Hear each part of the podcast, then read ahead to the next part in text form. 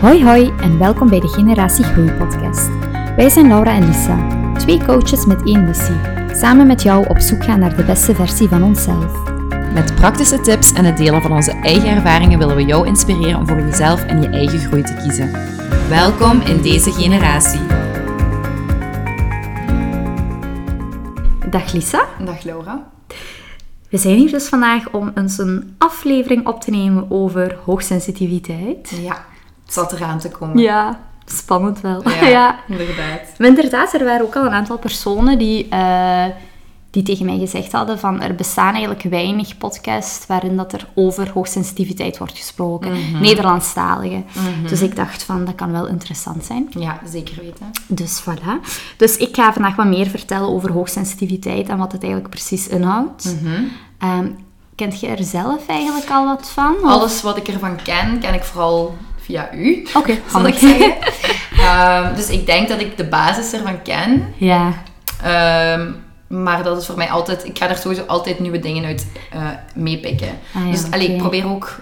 Je zegt dat ook, hè. Als iemand bij mij komt in coaching, heb ik dus horen zeggen in een eh, podcast, en ik heb dat ook meegenomen, dan... het feit of die hoogsensitief is of niet, of eender wat er aan de basis kan liggen, ja. dat is niet de kern van de coaching sessie. Ah ja, ja, ja, Dus klopt. ik probeer ook gewoon, ik kan, kan herkennen als iemand hoogsensitief is. Ja. En ik kan zien wat de sterktes ervan zijn en de valkuilen. Maar voor de rest gaan we daar niet uren over praten. Ah ja, Dus daardoor denk ik dat ik er ook wel altijd nog iets uit kan leren. we hebben gelijkaardige aanpak. Ja. Tof.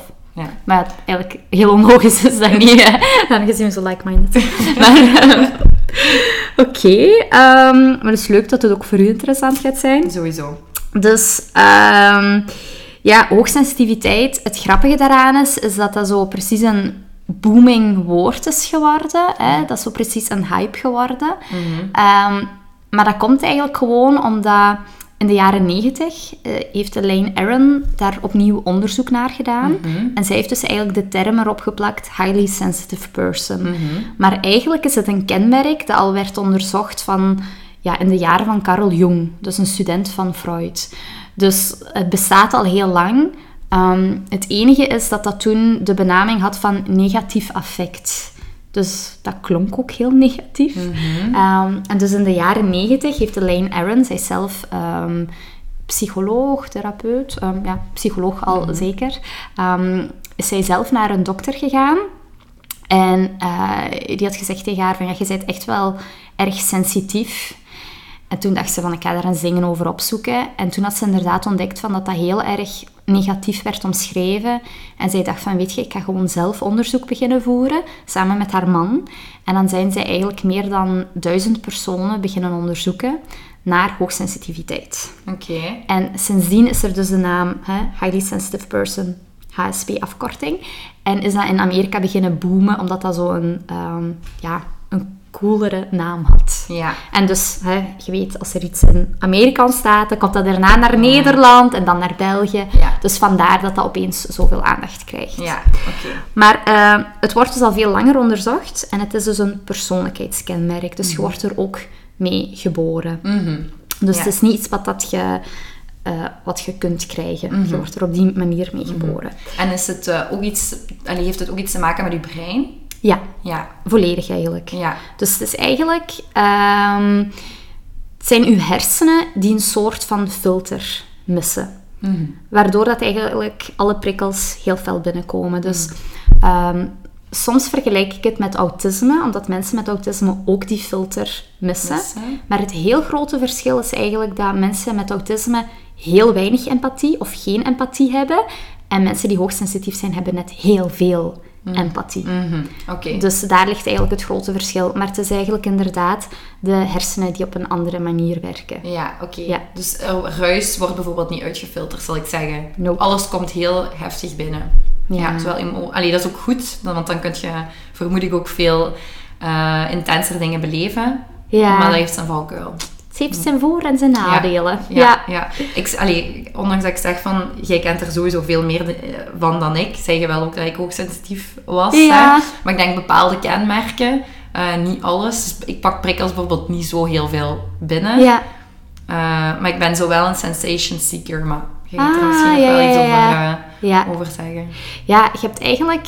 Ehm, je hebt aan de ene kant een kenmerk hoogsensitiviteit en aan de andere kant ook een kenmerk van high sensation seeking. Dat zijn eigenlijk twee aparte eigenschappen. Oké. Dus die hoeven niet per se samen voor te komen. Dus hoogsensitiviteit betekent inderdaad dat je ehm, snel overprikkeld kunt geraken. Mhm. hè? Dus dat je eigenlijk een beetje op de rem staat, als ik het moet vergelijken met een auto. En high sensation seeking is eigenlijk dat je net heel veel prikkels nodig hebt. Hè? Je staat dan op het gaspedaal. Maar je kunt dus ook beide eigenschappen hebben. Ja. En wat ook nog een verschil is, is dat je eigenlijk ehm, je kunt gevoelig zijn aan externe prikkels. Hè, bijvoorbeeld ehm, geluiden of bijvoorbeeld um, ja, ticketje in je, in je trui of wat dan ook. Dat zijn externe prikkels. Maar je kunt ook intern daar gevoelig voor zijn, dus voor emoties. En je gedachten en zo. Ja, Mm. dus eh, sommige mensen hebben het beide. Sommige enkel extern vooral, of sommige enkel intern. Ja. Oké. Dus vandaar. Ja. Het, het hoeft niet, ehm, je hoeft niet per se gevoelig te zijn voor die externe dingen. Het kan ook gewoon enkel intern zijn. zijn. Ja. Oké. Ehm, want wat Elaine Aron heeft gedaan samen met haar man is eigenlijk onderzoeken gedaan bij hoogsensitieve personen. En zij heeft daar dan eigenlijk vier eigenschappen uitgehaald die dat eigenlijk ehm, voor haar hoogsensitiviteit beschrijven. En je kunt dat eigenlijk samenvatten in het acroniem. Ja, in het Engels is het DUS, maar dus eigenlijk in het Nederlands DOES. D-O-E-S.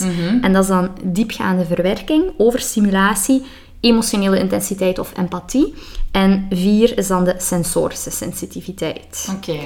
Ik kan hier dieper op ingaan. Ja. Want als je het zo zegt, dan lijkt het allemaal op elkaar. Ja, ja, het ja, idee. klopt. Maar er zit toch altijd zo een, eh, kleine nuance ja. Dus het eerste is dan eigenlijk die, ehm, die diepgaande verwerking. En dat is eigenlijk wat ik zei van die, van die filter. Mhm. Ja. Die dat hoogsensitieve personen missen. En dat is eigenlijk ook wat het verschil maakt tussen mensen die hoogsensitief zijn en die dat niet zijn. Van dat je, ehm, ja, je, je kunt bijvoorbeeld ook heel goed eh non-verbaal gedrag lezen. Want alles komt ook gewoon binnen. Ja. Dus dat kan ook ervoor maken dat het heel erg moeilijk is als je bijvoorbeeld met veel mensen samen bent of je hebt een meeting met heel veel mensen. Ja. Dat kan voor iemand die hoogsensitief is heel vermoeiend zijn, omdat je zoveel Probeer te kijken naar... dingen in de gaten houdt en analyseert. Ja. Dus de diepgaande verwerking ehm, is dus dat je heel veel opneemt, heel veel verwerkt. Dus je neemt meer prikkels op, maar ze worden ook nog eens dieper verwerkt. Wat maakt dat je dus ook sneller moe kunt zijn. Ja. Ehm, maar je, je denkt ook dieper na en verder na. Ja. Dus veel fantasie bijvoorbeeld. Ik wou net vragen, want diepe verwerking, Mhm. bij mij doet dat dan al meteen zo'n belletje rinkelen, interpreteren. Je zit constant eigenlijk Mhm. aan het interpreteren, want prikkels zijn ook maar prikkels en Ja. soms niet altijd feiten. Ja, Eh, dus Ja. klopt dat hoe ik, hoe ik eh, denk? dat kan een valkuil zijn, Mhm. maar hoogsensitieve personen zien nu ook maar, allee, die zien ook eenmaal dingen veel sneller. Ja. Bijvoorbeeld, eh, ik was leidinggevende in een bedrijf. ehm, en ehm, ik kon echt heel snel weten, ook zelfs in mijn team, maar in andere teams, van die is- volgens mij naar een ander job aan het zoeken. En, dat, en dan, dan zeiden mensen tegen mij bijvoorbeeld van, want dat was zelfs niet bij dat, enkel bij dat bedrijf, ook het bedrijf ervoor. Toen werkte ik op HR en dat ik zei van, we moeten opletten, want die is voor iets anders aan het zoeken volgens mij. En dat ze zeiden, maar hoe weet je dat? En dan was dat gewoon, Ik voel dat. ik voel dat en ik heb altijd ook gelijk gehad. En dus ze zeiden ook heel vaak van... Ze kwamen dan ook vaak van... Laura, wat denkt jij? En dan zei ik, ja, volgens mij die en die. Dus ze, dat was wel tof. En dat eerste bedrijf hielden daar ook wel rekening mee. En Ja. ze, ze namen dat ook serieus. Ja. Want in sommige bedrijven, als je zegt van... Ik weet niet, ik, ik denk dat gewoon, of ik voel dat. Dan is dat van, ja, we voelen, we, Ja. zijn we daarmee... Hè? ja. Dat is een beetje ook spookjes waarschijnlijk. Ja, Ja. het is dat. Maar het is dus eigenlijk omdat, ja, eh, dat is bijvoorbeeld ook iets wat hoogsensitieve personen goed kunnen. Als er bijvoorbeeld op het werk een beslissing wordt genomen, Ja. hoogsensitieve personen zijn vaak al vijf stappen verder. Dus die denken misschien al aan de mogelijke gevolgen dat het kan hebben, terwijl de andere mensen nog helemaal niet mee zijn en zoiets hebben van, ja, maar hey, hè, je zit zo kritisch. En, Mhm. Maar dat is iets wat dat hoogsensitieve personen eigenlijk heel goed kunnen, Ja. om al te gaan anticiperen. Anticiperen op. Ja. Want ehm het is misschien ook een nuttig om te zeggen, ehm, alle hoogbegaafde mensen zijn hoogsensitief. Oké. Maar niet alle hoogsensitieve mensen zijn Zijn hoogbegaafd. hoogbegaafd. Ja, dus dat is misschien ook wel een, een, een. Interessant, dat wist ik niet. Ja, Dus, ehm, en dat komt ook weer door die, door die diepgaande verwerking. Ja. Want dat is eigenlijk ook een kenmerk van eh, hoogbegaafdheid, omdat heel veel mensen denken aan hoogbegaafd van, oh, dat zijn de mensen die bijvoorbeeld heel goed zijn in wetenschappen, Mhm. of de, eh, je hebt daar zo de stereotype beeld van. Maar dat kunnen bijvoorbeeld ook mensen zijn die het echt heel moeilijk hebben gehad op school, Mhm. omdat ze bijvoorbeeld zich heel snel verveelden, of omdat... Ja, omdat de, omdat de verwerking van de prikkels gewoon sneller gebeurt. Ja, Hmm, het is dat. Ja, Ja, interessant. wil ik ook nog eventjes Ja. erbij zeggen. Dus maar dat was de D. ja, diepgaande diepgaande verwerking. verwerking. Ja. En dan het volgende is dus ehm, overstimulatie. Mhm. En dat betekent dus eigenlijk dat ehm, hoogsensitieve personen kunnen eigenlijk veel sneller iets ervaren als stress. Mhm. Dus bijvoorbeeld eh, gaan shoppen in een winkelcentrum bijvoorbeeld. Veel mensen vinden dat leuk. Ehm, maar voor hoogsensitieve personen kan dat heel intens zijn en kan dat echt voor ja, stresssignalen zorgen. Ja. Zoals bijvoorbeeld heel hard beginnen zweten of de hartslag die hoger wordt Mhm. of ehm, rood worden. hè? Bijvoorbeeld als je vroeger voor de klas moest gaan staan. Ja. Die stressverschijnselen komen ook sneller voor bij hoogsensitieve personen, omdat hun zenuwstelsel ook gewoon gevoeliger is. Ja, oké, interessant. Ja, dus dat is, allee, dat is voor die overstimulatie. En zo op festivals bijvoorbeeld, allee, eigenlijk alles waar veel prikkels zijn, daarbij kan dat gebeuren. Ja, maar het ding is, ja, hè, klopt, maar bij... eh, High sensation seekers, is dat dan weer... ja, dat Heel is dus goed. echt de uitdaging. Mm. Ik ben dat zelf ook, dus ik ben een high sensation seeker en hoogsensitief. En je moet daar echt zo de balans in vinden tussen voldoende prikkels te hebben om je niet te vervelen, maar ook niet... eh, allee, veel? ja, dus je zit daar echt Want wordt je continu... eigenlijk. Ja, klopt. Dus dat zie je ook heel vaak bij hoogsensitieve personen. En dat is ook heel kenmerkend voor mijn carrière, vooraleer dat ik fulltime als eh, psycholoog aan de slag ging. Maar zo het continu afwisselen tussen eh ehm, bore-out richting burn-out. Bij mij was vooral heel vaak... ehm, ik heb één keer op een randje gestaan van een burn-out. Maar ik heb echt... ja, ik, kan niet, allee, ik kan niet tellen hoe vaak ik op het randje zat van een bore-out. En dat, ze dan, dat ik dan zei van, ik heb echt iets nieuws nodig. Want anders Ja. dan... Allee, Ja, val ik stil. ja. Ja. En dat is zo heel, dat zie je heel vaak zo van, oké, opeens veel te veel en veel te weinig. Veel te veel, veel te weinig. Ja, ja. Je herkent dat vaak zo in het, als je zo de levenslijn erbij neemt van de carrière, dan herkent je wel vaak bij iemand van, Hmm. "Ah, ja, tje, zou het? Zou het, ja. Oké, Ja. interessant. Eh, maar eh, daar wil ik ook nog even op, eh, op terugkomen, wat dat je zei van ehm, festivals. Ja. Want voor hoogsensitieve personen, muziek doet heel veel met mensen die hoogsensitief zijn. En het hoeft niet enkel muziek te zijn. hè. Het kan bijvoorbeeld ook zijn ja, een andere vorm van kunst. Maar mensen die hoogsensitief zijn, kunnen daar veel sterker door geraakt worden. En dat is dus eigenlijk ook iets wat bij, ehm, ja, bij het volgende hoort ook. Ehm, het, ja, eigenlijk niet het volgende, maar, maar het vierde. Dus ik zal daar misschien later op, Ja. op terugkomen. Ja. Ehm, ja, hoewel, eigenlijk, het heeft ook te maken met de derde, emotionele intensiteit. Ja. Je kunt ook gewoon daar echt door geraakt worden. Mhm. Ik heb dat bijvoorbeeld bij The Voice of eh The Voice Amerika. Ja. ik ben daar selectief in. eh, of Engeland. En So You Think You Can Dance bijvoorbeeld. Als mensen een verhaal brengen en dan de, Ja. de dans en zo daarna, de muziek. Ja, want bijvoorbeeld die Isabel, die eh choreografe. Ja. Ja, bij al die haar dansen moest ik wenen. Dat is echt zo, omdat hij daar zoveel gevoel in legde. En dat is ook iets typisch voor mensen die hoogsensitief zijn. Oké. Dus vandaar festivals. Ja, dat kan soms te veel zijn. Maar bij andere personen, als dat net de muziek is die... Hun, Ja. die, allee, die hun iets doet, dan... Ja, Oké. dus dat is ook weer zo heel persoonlijk. Ja, oké. ja. Duidelijk. Dus, ehm, maar dat is dus inderdaad die emotionele intensiteit. Ehm, en wat daar ook bij hoort, is dat hoogsensitieve personen, wat ik er straks ook al zei, heel erg empathisch kunnen zijn. Maar eigenlijk zo empathisch dat ze heel goed de behoeften van andere mensen kunnen aanvoelen en weten hoe ze daarvoor moeten zorgen en hoe ze daarop moeten inspelen, Ja. maar niet voor zichzelf. Ja, dus ze hebben, ze hebben eigenlijk nooit echt geleerd om voor zichzelf te zorgen, omdat ze zo in tune waren, om het zo te zeggen, met Ja. de noden en de behoeften van andere mensen. Ja. En je ziet dat vooral, ehm, want eigenlijk als mensen opgroeien in een gezin waar dat er ruimte is voor hoogsensitiviteit en om gevoelig te zijn, ehm, dan hebben die op latere leeftijd daar vaak ook geen problemen Nee. mee. En dan is dat gewoon een van hun talenten. Ja. Maar het is vaak wanneer dat je als hoogsensitief persoon opgroeit in een gezin of school, hè, dat kan natuurlijk ook, Mhm. waarbij dat er eigenlijk geen ruimte is voor je gevoeligheid. En als ze zeggen van, oh, je bent zo verlegen en oh, doe niet zo flauw. Ja. Dan gaan mensen zich allee, het gevoel hebben van, oh, ik moet meer gaan aanpassen. Ja. En dan komt weer zo dat brave kindpatroon vanuit aflevering over perfectionisme. Perfectionisme. Mhm. Ik ga hier mij hier gedragen zoals ik weet dat iedereen verwacht dat ik Ja. mij zal moeten gedragen. Ja, Ja. En dan leren hoogsensitieve personen dus heel hard aan te voelen, oh, wat wordt er hier van mij verwacht? En bij hoogsensitieve personen eh, is de valkuil om daar heel snel in te trappen, omdat ze dat ook gewoon zo goed kunnen aanvoelen, Ja. wat dat er van hun Ja, verwacht wordt. De ander komt op de eerste plaats eigenlijk. Ja. En dus waar dat ik mensen dan vaak bij help, is niet zozeer van... Ja, vaak komt het ook wel voor, hoe moet ik omgaan met mijn hoogsensitiviteit, maar eerder leren van voor zichzelf te zorgen. Ja, ja, ja. Klopt. Focus Ja. een beetje intern brengen. Mhm. Ja, Ja. klopt. Oké. En ehm, herkent je al dingen voor jezelf? Ja, sowieso wel.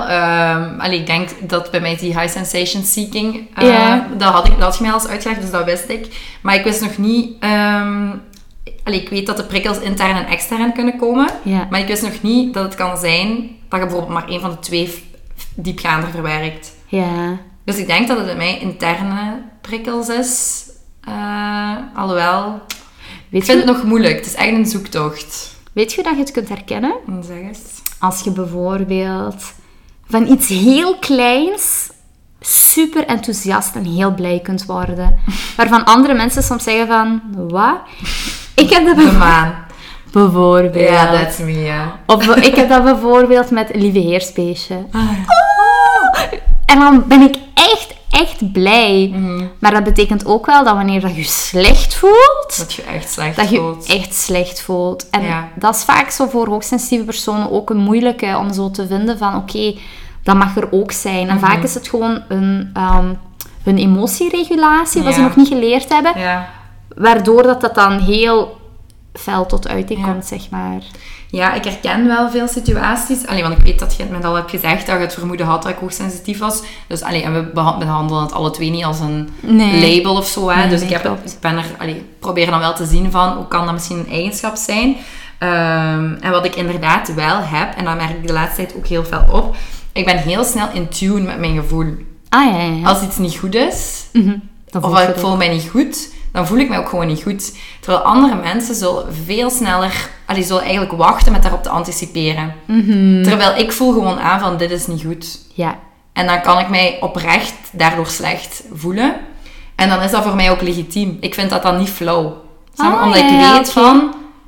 Nee, nee, dit is... Dit, ik, ik maak hier nu geen ding van. Geen ik voel mij ook echt zo. Ah ja, ja. Waardoor dat is wel ik- mooi. Ja, waardoor ik eigenlijk... ehm, maar dat is niet altijd fijn, hè. Nee, nee. Dat is, allee, dat is leuk dat je in tune zit met je gevoel. Maar soms eh, heb je dan zo'n diepgaande verwerking, heb ik het idee van dat gevoel. Ja. Dat ik dan soms in dat, gelijk eh, bij het piekeren zeiden, in dat depressief piekeren val. Ah, zo. Ja, ja, ik snap het. Omdat je gevoel eigenlijk... allee, je gaat van een gevoel naar een emotie. Ja. En van een emotie naar een stemming. Ah, ja, en dan zit je, zit je eigenlijk in een stemming getuimeld. Ja, ja, ja. Terwijl er zit heel veel kracht in het ontdekken van... Wat voel ah ik? ja, wat voel ik? Mhm. Maar dan daar niet per se emotioneel op reageren. Ja, ja, dat gevoel gewoon even toelaten. Toelaten, ja. Dus dat heb ik wel heel fel, dat ik heel snel zoiets heb van... mm, dat voelt niet niet goed. lekker. Ja. Ja. Ja, ja, Ja. Want dat is bijvoorbeeld ook iets heel... Dat, ja, ik vind het een goede eigenschap. Mhm. Maar soms is dat voor andere mensen heel moeilijk. Ja. Ehm, ik voel instant of ik het kan vinden met iemand of niet. Ja. Dus ik heb daar niet... Ik heb daar geen dag voor nodig om te weten... Mhm. Klikt dat hier of klikt dat hier niet? Mhm. Ehm, en ik voel ook gewoon heel snel... Is iemand authentiek of niet? En dat is ook een hele, hele belangrijke voor mensen die Ja. hoogsensitief zijn. Van, ehm, ja, echt wel te voelen van, oké, dat is iemand die het, die, het goed, Meent. die het goed meent, inderdaad. Die het goed voor heeft. Ja. En ehm, dat betekent dus ook dat ik niet fake kan doen. Nee. Nee. nee. Als ik iemand niet graag heb, ik zal altijd beleefd zijn, hè. Ja. Maar dat hoeft niet per se je go-to person eh, te worden, om het zo wat- te zeggen. Ik ben dan ook zo bijvoorbeeld de persoon... allee, stel... Allee, hoe moet ik het zeggen? Hebt dat soms zo... Allee, ik had dat vroeger vaak op het werk. Dan Mhm. waren dat mensen waarvan ik wist van... Ah, die vinden het eigenlijk niet zo goed met elkaar. Ja. En dan kwamen die en dan zeiden die... Oh, je hebt je haar zo schoon. En dat ik echt zo dacht van... Ja, maar wacht Je eens moet- even. Gisteren werd je het zeggen dat die echt niet moet... Dus bij mij komt het dan zo Fake, fake over. En Mhm. dat is echt een van mijn allergieën. Ja, ja, Ja. klopt. Wat ik heel fel bij u merk is, je bent eh, veel beter dan mij. Leef jij heel erg, allee, nog feller dan ik dan eigenlijk, zal ik het zo zeggen. Nog meer in tune met hoe iets voelt. Snap je? Eh, ja. Positief, hè? Je zult niks doen Als het niet goed voelt. als dat niet goed voelt. Ja, maar ik heb dat ook wel echt moeten leren. Mhm. Vooral ook omdat ik inderdaad zoveel in mijn hoofd zat. Ja. Want dat is bijvoorbeeld ook een valkuil van mensen die hoogsensitief zijn, omdat die als kind soms zo geraakt kunnen zijn geweest door iets Mhm. en sommige gevoelens zo intens beleefd hebben, Mhm. dat die leren van ik sluit me hier vanaf en ik ga mijn hoofd leven. ja. Dus afsluiten van je gevoelens. Ja, en heel erg in het hoofd leven. Mm. En dat voelt dan ook voor sommige mensen heel veilig. Ja. Ja, want mensen rekenen je constant af op je gevoel ook. Ja, Het is niet veilig om iets te voelen, want mensen Nee. zeggen, doe niet zo flauw, of eh, stop met wenen. Ja. zijn zo de typische dingen die we, die we horen. hè. Of waarom voelt je zo? Het stelt toch niet veel voor? Ja, want ik was... ehm, toen, ik zo, toen ik net begon met werken, toen was ik echt... Toen wist ik ook nog niet dat ik hoogsensitief was. Nee. Was ik echt totaal niet in contact met mijn gevoelen. Maar echt gewoon 0,0. Ja. En ehm, ja, mijn, mijn mama had toen eens gezegd tegen mij van... Oh, Laura, man, je zit echt zo'n rationele. En toen dacht ik echt van... maar ik kon echt zo heel eh, eh, hard overkomen. Allee, hard overkomen. Heel rationeel. Heel, heel, heel erg op de feiten Ja. gericht. En mensen vonden ook dat ik er zo heel eh, streng kon uitzien. Mhm. En dat leek of ik heel veel zelfvertrouwen had. Mhm. Terwijl het toen absoluut Absoluut niet het geval was. Nee. En dus toen ben ik beginnen leren over hoogsensitiviteit. En toen besefte ik van... Ik heb hier een stukje van mezelf eigenlijk afgesloten. Ja, en het is door inderdaad... Je moet daar echt wel mee oefenen. Mhm. Want inderdaad, nu kan ik dat beter. Ik denk dat dat ook opeens... Doordat ik eh, gestopt ben met het werk en voor mezelf begonnen ben... Ja. Dat dat precies geëxplodeerd is. Ja, Om omdat in dat contact een te keuze staan. was volledig voor jezelf Ja. eigenlijk. En omdat ik inderdaad zo al die spanningen van niet uzelf te kunnen zijn op het werk of... Hè, want ik heb echt wel heel veel behoefte aan vrijheid. En dat, ik denk dat heel veel hoogsensitieve personen dat ook hebben. Omdat die wel heel vaak weten hoe dat ze bepaalde dingen kunnen doen. En daar wat creatief in, eh, in willen omgaan. Ehm, en ik denk dus dat dat er voor mij ook gezorgd heeft dat ik nu zo de ruimte krijg om meer naar mijn gevoel te luisteren. Ja, ja, jij- ja. je houdt 's morgens en 's avonds om dat te doen. En Ja. doorheen de dag wordt je eigenlijk geleefd Klopt. door Ja, de job waar je in zit, bijvoorbeeld. ja, klopt. Ja. Dus eh, ja, dat is een leerproces. Ja. Dat was er zeker niet in één keer. Ik ben nog altijd aan het leren. Ja, Dus, tuurlijk. Houdt Ja. nooit op. nee. Ehm, en dan heb je dus ook vier, eh, Mhm. de sensorische sensitiviteit. Ja. En dat is eigenlijk ook wat ik er straks zei, zo die, ehm, die subtiele signalen in de omgeving. Hè? ehm, dat is ook bij diepgaande verwerking, maar het is echt nog zo ja, heel subtiel, waardoor dat mensen soms denken van, hoe komt je hierop? Hè? De vibe. de vibe. In dat je ergens binnenkomt bij een koppel en dat je gewoon voelt, oh oh, Hier is iets. hier is net ruzie geweest. Mhm. En dat je al zo probeert zo, hè, Hey. de grapjas of zo, hey, en oh, hè. Ja. En dan je Je probeert al te anticiperen op die stemming die je voelt. Ja, ja. Mhm. Pas op, ook dat is wel minder geworden, maar ik deed dat vroeger echt wel heel fel. Mhm. Dat je dan zo probeert van, ja, Die stemming te die veranderen. stemming te veranderen. Mhm. Ja. Dus eigenlijk alles wat te maken heeft met energie wordt heel, heel snel opgepikt Mhm. door een hoogsensitieve persoon. Want alles is energie. Ja. Ehm, dus ook al probeert een koppel dan inderdaad te verbergen dat er zo net ruzie was, het non-verbaal gedrag wordt zo Ja. sterk opgepikt dat, je, dat je weet wat er speelt. Wat ik soms heb is bijvoorbeeld, als er iemand in de wachtzaal zit of ik doe de deur open en die komt binnen, dan weet ik meteen van, vandaag is geen goede dag voor die persoon. Echt heel bijzonder. Ja, En soms voel ik meteen van, ah ja, vandaag is een goede dag voor die persoon. ja. En dan denk ik van, oké, dit is bijzonder. Ja. dat is echt bijzonder. Dat heb ik niet. Ja. Maar ik moet ook zeggen, soms is dat... Allee, hoe moet ik het zeggen? Dat, dat is soms ook eh, moeilijk. Mhm. Want soms, allee, ik denk dat ik mij voor een heel groot deel van bepaalde dingen nog afsluit. Niet voor mezelf, hè, Mhm. maar van bepaalde dingen die ik voel bij andere mensen. Omdat dat soms gewoon te intens kan zijn. Oké. Maar bewust afsluit dan. Ja. Ja, want ik denk als ik me echt daar helemaal voor zou openstellen, Dat je helemaal zo ervaren wat die mensen ervaren. Ja, ja en alleen dat, dat ervaren is misschien nog oké, omdat ik wel geleerd heb om dat los te laten. Maar ja, ik denk gewoon niet dat je dat wilt. Al die prikkels. ja, gewoon Mm. zo Ja. continu dat, dat aanvoelen van, van mensen. Dat is bijna gelijk een... Allee, ik wil het nu niet, maar dat voelt als een soort van zesde zintuig. Dat is eigenlijk toch gewoon het zesde zintuig waar mensen van spreken. ja, maar pas op hè, dat, ehm, want, want ik zeg dat nu omdat ik dat heb. En dat is daarom nog geen kenmerk van Voor mensen die iedereen. hoogsensitief zijn. Nee. Maar dat kan wel zijn dat als je echt heel erg in tune bent met je gevoel, Mhm. Dat je dat heel fel hebt. Ja, oké. Interessant. En het is goed Ja. dat je zo wat de, de verschillen... Want het is Ja. geen one size fits all. Nope, Nee, zeker niet. je hebt verschillende kenmerken. En daarom is het ook goed om er niet dat label op Mhm. te plakken. Maar dat eerder is van... Dat je ook kunt opmerken bijvoorbeeld wanneer je overprikkeld bent. En dat je dan Ja. inderdaad, gelijk gezegd, zelfzorgpraktijken kunt toepassen.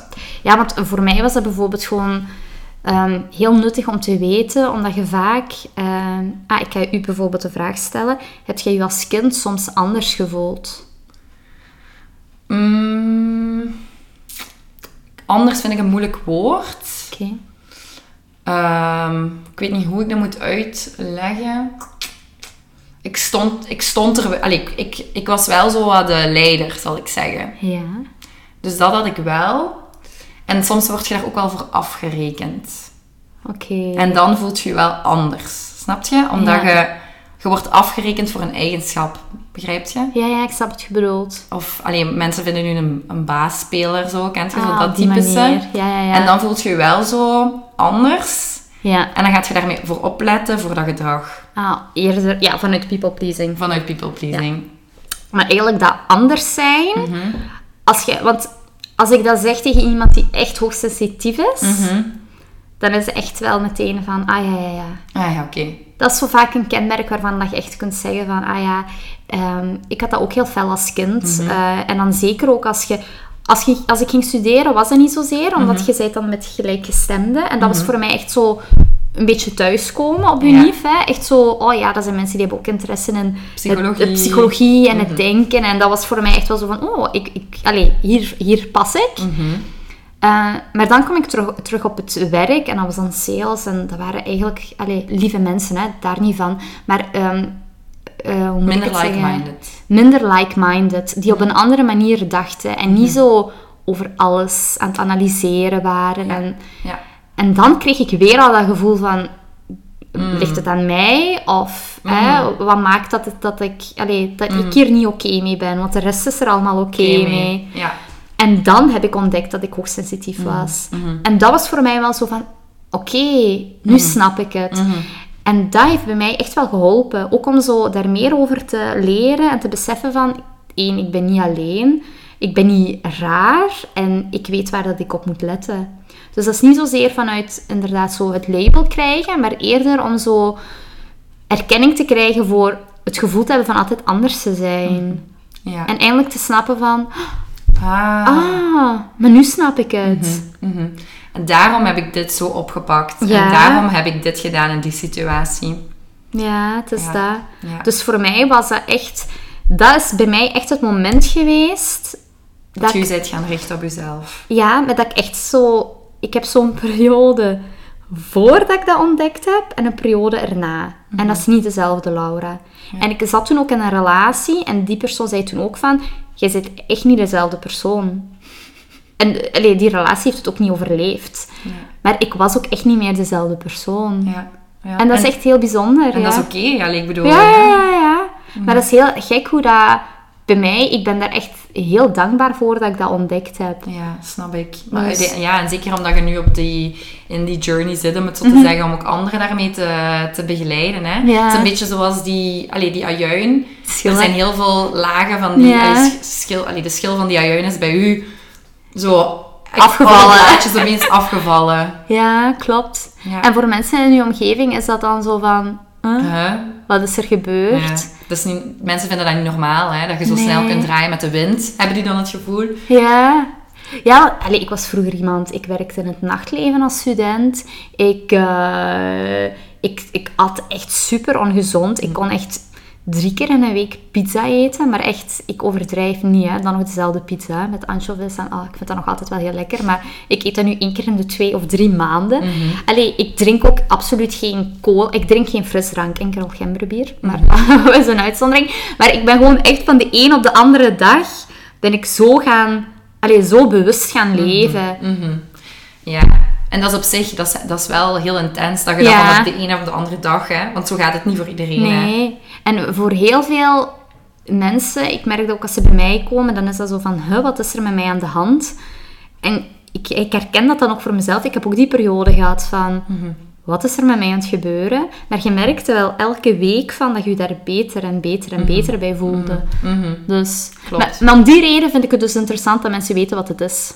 Ja, Snap je? en, en daar houdt het dan ook even daar houdt het dan Ja. ook op. En dan kun je gaandeweg denken van, ah ja, kijk, dat is door mijn hoogsensitiviteit. En dat Mhm. is ook geen excuus, hè. Nee, het is dat. Is eerder eh, net omdat je daar heel veel waarde uit kunt halen. Ja. Dit is waarom ik dingen doe, maar misschien helpen die mij niet per se. Mhm. Nee, Ja. het is dat. Ja. Want er zijn nog zo'n aantal andere eh, kenmerken die Mhm. ik misschien nog niet vernoemd heb, maar ook echt zo heel typisch zijn. Ehm, of kunnen zijn, is dat je bijvoorbeeld heel gevoelig kunt zijn voor cafeïne. Mhm. Als ik 's morgens cafeïne drink, dan ben ik echt gewoon een Duracell konijn en dat stopt s'nachts niet. Dus dat is echt... Echt waar.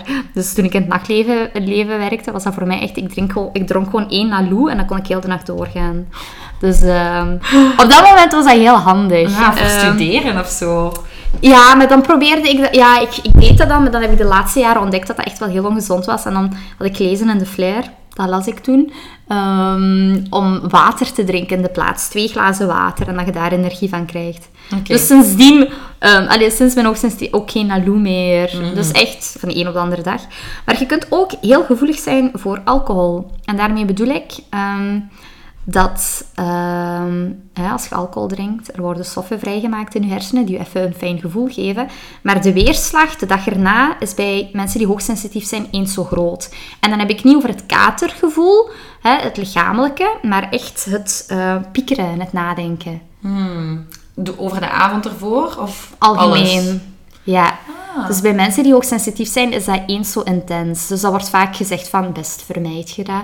Ik zeg dat niet, hè, best vermijd je dat, maar ik zeg wel, let er eens op. Als je de volgende keer alcohol drinkt en er zijn nu een paar mensen die gezegd hebben tegen mij, je had mij dat nooit mogen vragen, want ik kan niet meer genieten van een glaasje alcohol. en dan denk ik, oh, misschien is dat nog niet zo slecht.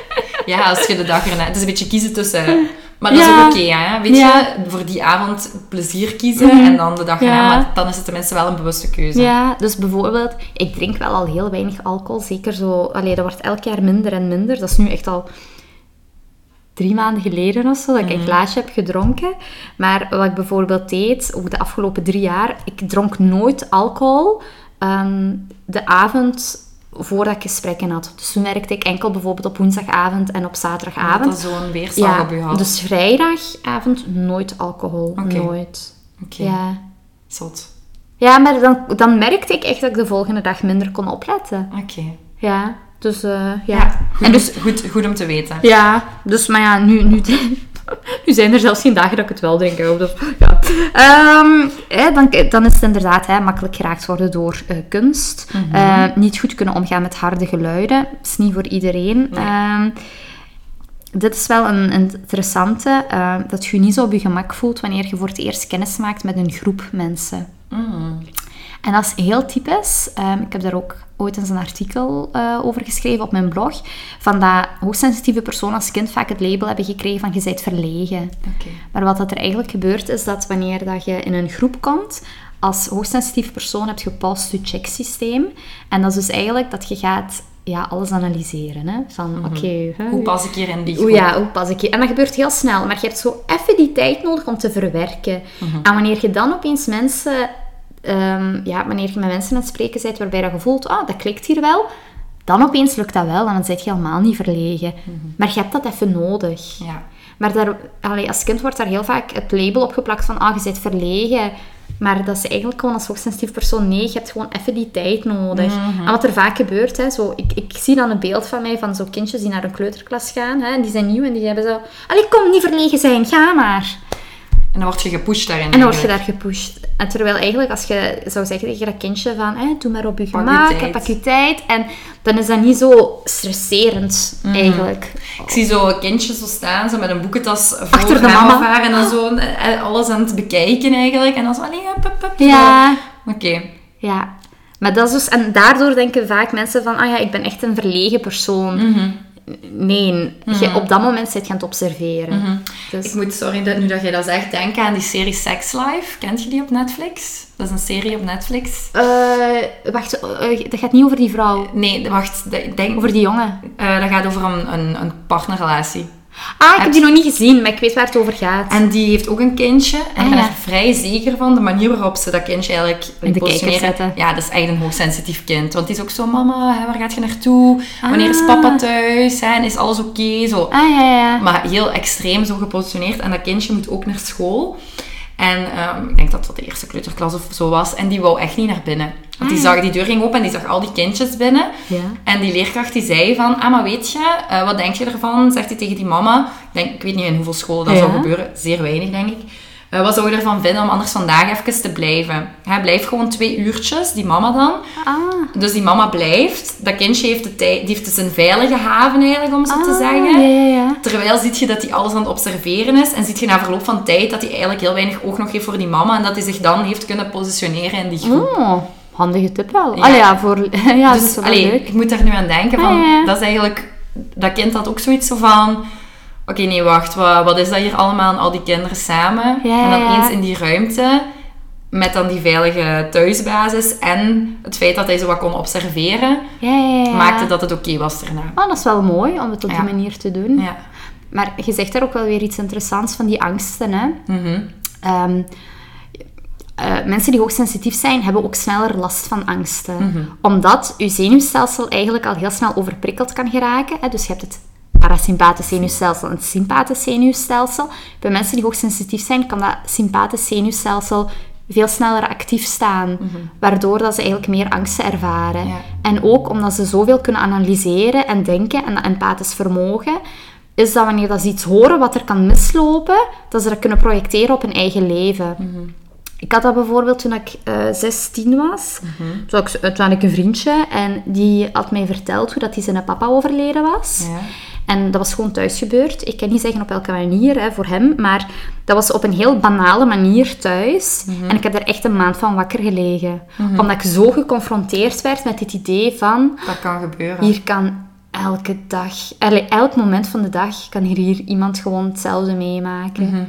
En dat is dus iets ook voor hoogsensitieve personen heel typisch. Bijvoorbeeld ook schrik om met de auto te rijden. Of eh, schrik om alleen iets te gaan doen. Of dat is ook heel typisch aan... allee, je ziet dat heel veel bij mensen die hoogsensitief zijn. Door het sympathisch zenuwstelsel. Ja. Dat veel sneller Eigenlijk een gevarenscanner. Ja. Ik had daar ook bij het piekeren, ehm, heb ik daar ook iets over gelezen in het boek. allee, dus bij piekergedachten, maar vermits dat piekergedachten een kenmerk is van eh, hoogsensitieve personen, zeg ook dat dat is eigenlijk zoals een brandalarm, dat de scherp staat afgesteld. Ja. En eh, dat maakt dus dat je bijvoorbeeld een paar keer per maand kunt wakker worden van brand. Ah, ja. Een signaal dat er brand is, omdat dat brandalarm te scherp staat afgesteld, maar er is helemaal geen brand. Ja. Aan de ene kant is dat positief, want je gaat hoogstwaarschijnlijk wel eens een brand voor kunnen zijn, doordat je een scherp afgesteld brandsysteem hebt. Maar aan de andere kant leef je ook met angst, Ja. want het brandsignaal wil niet per se zeggen dat er effectief brand is. Nee, klopt. Nee, inderdaad. Het is daarom ook dat ik zo yoga of yin-yoga ben beginnen toevoegen, omdat dat je zenuwstelsel meer tot rust kan Ja. brengen. Ja. Dus vandaar. Ja. Nee, maar het, het klopt, dat is echt eigenlijk op die manier. Ja. Want dat is bijvoorbeeld ook... ehm, onze hersenen zijn er inderdaad echt op gemaakt om gevaar te, hè, te ontdekken en gewoon om te kunnen overleven. Maar ehm, bijvoorbeeld een berichtje binnenkrijgen, een signaal, voor hoogsensitieve personen komt dat ook feller binnen dan mensen die niet hoogsensitief zijn. Mhm. Dus bijvoorbeeld, ik, ik heb ehm, zo goed als geen meldingen opstaan, behalve van ja, als iemand mij belt of mails. Mhm. Dus voor de rest geen meldingen gewoon. Nee, dan kun je zelf kiezen wanneer je kijkt. Ja, het is dat.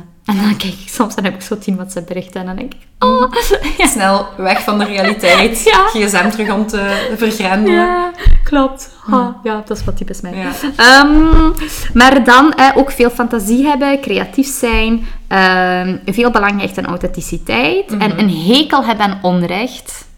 Dat is echt een hele belangrijke Ja. eh, voor mensen die hoogsensitief zijn. Ehm, en veel van dieren houden. Mhm. Er zijn soms mensen die bij me komen en die zeggen van... Ja, ik kan het eh, beter vinden met dieren dan met mensen. Mhm. En dan, allee, ik, ik, ik snap wat ze daarmee bedoelen. Ze voelen zich daar veiliger bij. Dus Ja. dat is ook zoiets heel typisch. Ehm, Ja, en onrecht in de zin van eh, dit is niet juist, of Mhm. ehm, ja. ja, Eh, misbegrepen voelen ook, is dat, hoort dat daar ook bij? ehm, niet per se, maar het is echt zo bijvoorbeeld... ja, hoe moet ik het zeggen? Iets dat niet eerlijk is. Ja, bijvoorbeeld, stel een tijd geleden was dat toch zo met die, met dat, met die ehm, allee, vleesindustrie, van die varkens bijvoorbeeld. Ja. Zo'n dingen bijvoorbeeld. kan... eh, Oh, ik heb het zelfs die post vermeden, maar dat zo bijvoorbeeld eh, varkens echt gewoon levend geslacht werden en zo. Want er is nu zelfs een nieuwe wetgeving dat dat gewoon niet meer mag en Ja, zo. Dus ja, ja, ja. gelukkig. Echt verschrikkelijk. Maar ehm, zo'n dingen, dat is onrechtvaardigheid. Want, allee, ja, zo'n dingen... Nee. iets dat niet kan. Ja, of bijvoorbeeld, eh, dit is nu iets, iets groots, maar iets wat in het dagelijks leven bijvoorbeeld, stel op het werk, ehm, bijvoorbeeld, iemand krijgt een promotie die eigenlijk, niks ja, die eigenlijk niks heeft gedaan, hè, waarvan je weet, die doet niks, en die andere persoon zit elke dag overuren te maken, die werkt keihard. Dat. Ik zie het echt aan u. Ik zie zo Ja. aan u als je het vertelt van...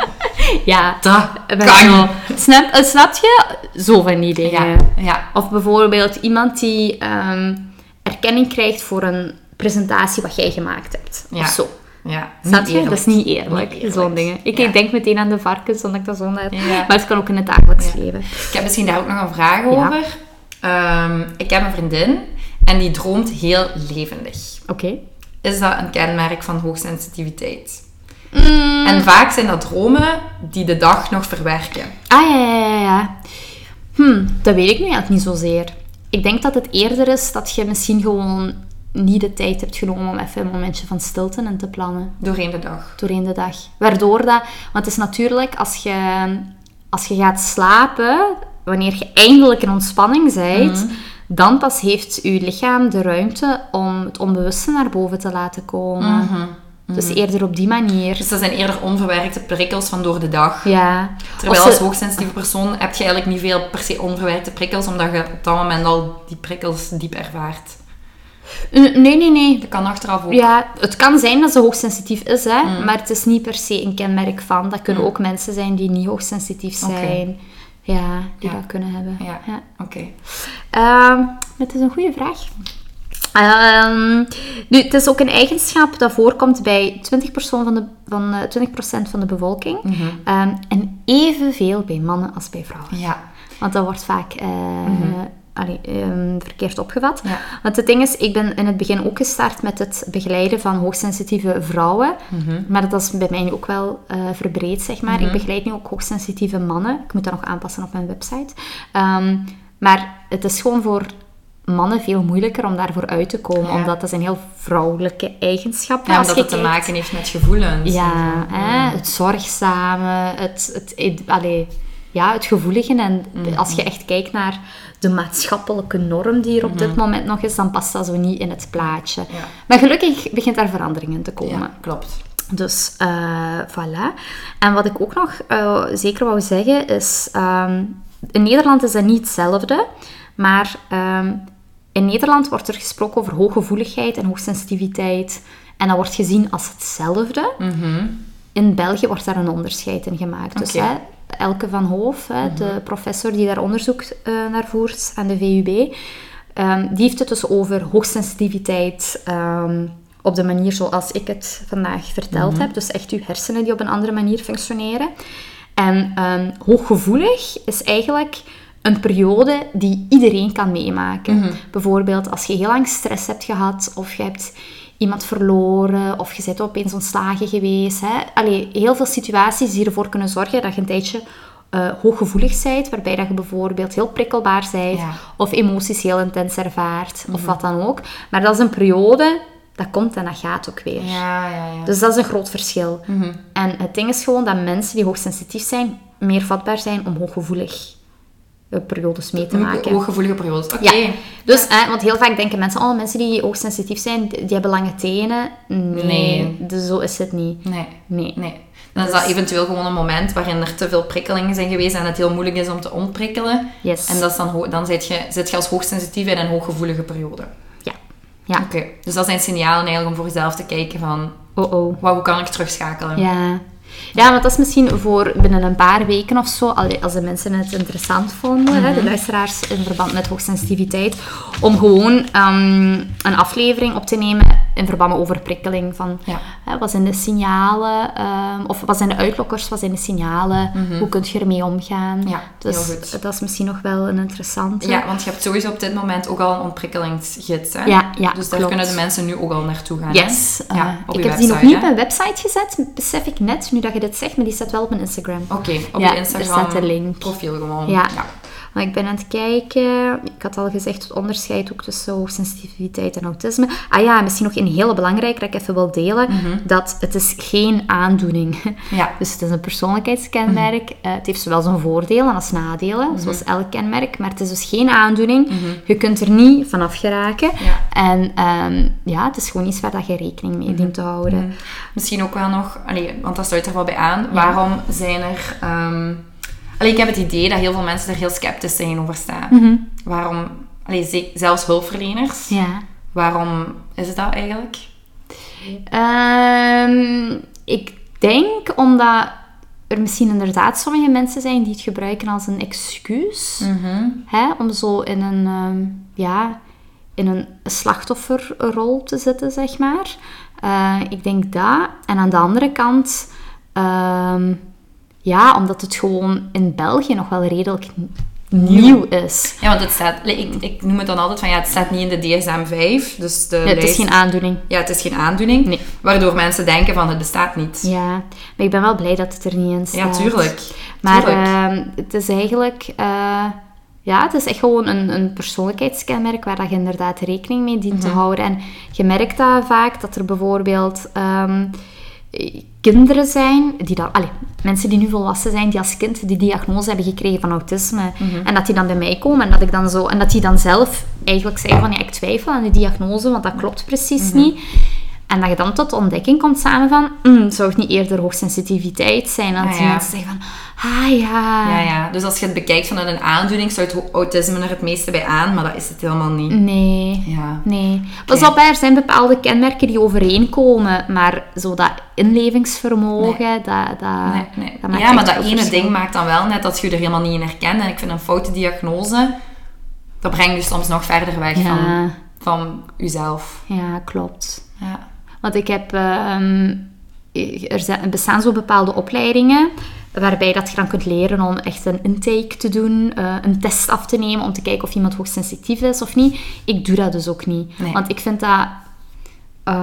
allee, goed als er mensen zijn die dat willen doen en mensen die zeggen van ik heb daar nood aan om dat zwart op wit te zien staan. Maar aangezien het geen aandoening is, wil ik daar ook geen test voor afnemen. Nee. Want dat, Nee. dat spreekt elkaar zo wat tegen. Tegen. Het is een persoonlijkheidskenmerk, dus... Ja. ja. Jij bent bijvoorbeeld iemand ambitieus. Moet ik daar een test voor afnemen? Allee, is dat Ja, wat ik bedoel? snap ik. Moeten we dat zwart op wit Moeten we dat zwart op wit hebben staan? Maar ik kan ook begrijpen als er mensen zijn die dat willen. Dus dan heb je wel de website van hspvlaanderen.be. En daar staat dan een lijst van, ehm, van psychologen die ook effectief een test kunnen afnemen. Oké. Ja. Ja. Eh, en ik heb gewoon zelf op mijn eigen website een, zelftest. een zelftest. En die heb ik echt overgenomen gewoon van Elaine Aron. Ja. Ehm, en dat zijn dan zo 27 vraagjes. En als je daar, eh, ja, ik moet niet zeggen misschien hoeveel.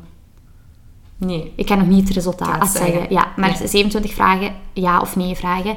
En dan kun je een indicatie krijgen of hoogsensitief bent of niet.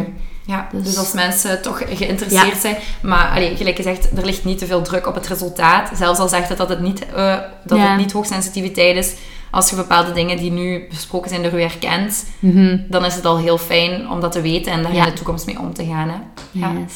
Klopt. Er is misschien nog wel iets dat ik wil vragen, eh, maar ik weet niet of je dat in deze aflevering wilt doen, maar je sprak al over zelfzorg. Ja. Heb je zo wat tips om nog beter voor jezelf te zorgen als hoogsensitieve persoon? Eh, ja, Ehm, heel veel momentjes ook. Allee, heel veel momentjes. Er is zo'n een regel die elke van Hoof hanteert. eh, en dat is 10 minuten per uur, 1 uur per dag en 1 dag per week dat je eigenlijk tijd voor jezelf neemt om te ontprikkelen. En dat is, eh, dat is wel veel, maar ehm, het is echt wel nodig als hoogsensitief persoon dat je even momenten hebt om Voor je, jezelf. ja, om je zenuwstelsel te- dingen te laten verwerken. Ja. En de valkuil is, als je hoogsensitief bent en een high sensation seeker, is dat je maar dingen inplant en dat je zegt, ja, maar dat geeft me energie. Mhm. En oké, dat is allemaal goed en wel, maar je zenuwstelsel is gewoon niet mee. Nee. Dus zorg er gewoon ook altijd voor dat je erna, ehm, stel je gaat iets leuks doen, dat je dat bijvoorbeeld niet doet tot 12 uur s'avonds en dat je de volgende dag om 7 uur op moet. Nee. Want dan gaat je in je bed komen en je lichaam gaat gewoon nog actief zijn. Ja. ja, ik herken daar wel veel van. Want mijn, allee, ik denk dat ik dat ook al eens in de podcast heb gezegd, heb gezegd. Maar mensen hebben altijd zoiets van, waarom staat jij zo vroeg op? En dan denk ik, dat is echt heilig gewoon. Blijf daarvan af, want dat is het enige moment Dat je voor jezelf voor mezelf. Ja, En ik probeer dan doorheen de dag wel nog Ja, ja, micromomentjes. Hè. Allee, ik zeg ook altijd tegen mijn coaches, het moet allemaal niet zo moeilijk zijn. Hè. Ja, Je ja. gaat koffie zetten, in plaats van op je gsm te scrollen, kijk eens naar hoe die koffie in je koffietas loopt, bijvoorbeeld. ja let en dan, even op je ademhaling. Voilà, en dan zie je zo... Je merkt dan de kleinste details op. Ja. En dat zijn ook momentjes voor jezelf. Maar zo die ochtend... Ik vraag het ook altijd aan mijn coaches. Wat is het eerste dat je doet als je opstaat? Die vraag stel ik ook altijd. En dan zeggen die... Op een gsm kijken. Eerst zeggen... Heel vaak zeggen ze, ik weet het eigenlijk niet. Maar in ieder geval niks voor jezelf. Dus op Ja. gsm kijken, inderdaad. Ehm, ja, je kunt zeggen mijn tanden poetsen. Maar dat zijn eigenlijk ook dingen die je al doet omdat je de dag moet beginnen. Ja, ja, ja. Je bent je aan het klaarmaken voor al hetgeen dat er moet, nog moet komen. Maar niet eens even van... Oké, Ademruimte. rustig opstaan. Allee, gelijk ik zeg, als je dan die koffie zet, drink dan eerst een glas water daarvoor. Ja, en dan ja. zet je die koffie en kijkt hoe die koffie loopt. Ehm, ik had ook een coachie die zegt van, ik haal heel veel energie uit. Dat kon ik niet helemaal verstaan. Siri doet mee. Dat is toch wel creepy. Siri doet mee. Ik had een coachie die, ehm, die zegt, oké, maar ik heb begrepen dat Siri mij dus niet, eh niet verstaat. Ehm, Te Limburgs. te Limburgs. Ik had dus een coachie die zei van, ik haal heel veel energie uit 's morgens met mijn, allee, met mijn, allee, gewoon met mijn kinderen bezig zijn, om het zo te zeggen. En we hadden dan eigenlijk gezegd van, kijk, we gaan proberen mini-meditaties eigenlijk in uw ochtend binnen te brengen. Eh, dus hadden we gezegd de volgende keer van, eh, ik zeg, wat doen de kinderen 's morgens als jij je dan Ja. aan het klaarmaken bent? Eh, en tijd maakt voor jezelf even. Hè? Ah ja, die liggen gewoon in de zetel. Dus zei ik van, ah oké, ga er dan tussen zitten terwijl je je meditatie doet. Ehm, want dan voelt dat des te meer een momentje voor jezelf. Ah, ja, ja. Maar toch ook met de dingen die je, ja, die je lief hebt, Ah, om het ja, zo te zeggen. Ehm, maar meestal zeggen coaches van... Nee, het eerste dat ik doe is niet voor mezelf. Nee, en het laatste dat ik doe ook niet. Nee. Want iets anders nog, wat ook wel ehm, heel goed werkt voor hoogsensitieve personen, is de natuur ingaan. Mhm. Daar halen ze ook wel heel veel eh, Ja. Ja, ja. energie uit. Omdat er heel veel eh, natuurlijke prikkels zijn. Ja, en dat is echt, eh, dat kan echt je batterijen opladen. Ja, ja. Ik merk dat ook bij mezelf, als ik gewoon... ehm, even zo hier, je hebt hier, eh, hoe noemt dat weer? Eh, in Edegem, Fort 5. Mhm. En dat is echt een super mooi natuurgebied. En als je daar gewoon een uurtje gaat wandelen, je bent echt een andere persoon. Opgeladen. Ja, echt opgeladen. Dus dat is ook wel iets wat ik vaak meegeef als tip. Ehm, ja, maar zelfzorg is ook natuurlijk, en daar hebben we het ook al eens over gehad, dat is niet enkel zo die dingen, maar ook gewoon je grenzen aangeven. hè? En leren effectief te zeggen van, sorry, vandaag niet. Nee, de niet leuke dingen doen. Ja, Ja. de moeilijke dingen doen, ja. die horen daar ook bij. ja. Niet inderdaad alleen die wandeling maken dat leuk is, maar ook de Ja, niet leuke dingen doen. de mensen wat teleurstellen. ja. Ja. ja, zo lijkt het, maar eigenlijk stelt je ze niet altijd teleur. Maar je hebt inderdaad wel Je- dat gevoel. Ja, ja. Jij wilt dat niet doen, maar uiteindelijk appreciëren mensen nu nog veel meer als je dat doet. En als je... Maar niet altijd in het begin. Nee, niet altijd in het begin. Nee. Maar jij moet wel volhouden. Ja. En als die mensen dat dan blijvend niet appreciëren, dan zeg ik altijd, dan zijn dat niet uw type mensen. Dat zijn er niet uw mensen. Ja, Ja, nee, klopt. ja. Ah, ik had net nog iets gezegd en toen kwam Siri ertussen. Van mijn coachie, die ehm, ja, nu ben ik het kwijt. dat momentje 's morgens voor jezelf met de koffie, meditatie, fletsen. Nope, ik ben het kwijt. Niet erg. Niet erg. Misschien komt het aan een, aan een andere aflevering Zijn aan bod. Ja, het is dat. Maar eh, ja, die na- natuur, eh, momentjes voor u, momenten zonder iets ingepland. En dan inderdaad, hè, het leren grenzen stellen. Ja, ja. Ja. oké, interessant. Goed dat dat er nog even Bij kwam. bij kwam. Dat was een goede vraag, dank u. Allee, merci. Oké, maar bedankt Lisa om zo te luisteren. Jij bedankt. Het was heel interessant. Ik heb toch wel weer wat dingen bijgeleerd die ik ook kan meenemen naar mijn coaches. Ja. Leuk om te horen. Misschien wel nog één ding. Mhm. Ehm, als je één boek moet aanraden voor mensen die zoiets hebben van wow, ik herken me heel erg hierin. Welk boek rond hoogsensitiviteit heeft dan dat voor u het wel wat gedaan? Eh, van opgave naar gave van Susan Marletta Hart. Oké, En dat is, een, dat is een boek met een klaproos op. oké, Dat is blijkbaar teken van hoogsensitiviteit ook, een klaproos. oké. Dus alle naar dat boek. Yes, Oké, zeker. super. En dan de boeken van Elke van Hoof en Elaine Aron zijn natuurlijk ook allemaal heel interessant. Oké, super. Dankjewel. Jij bedankt. Tot de volgende. Tot de volgende.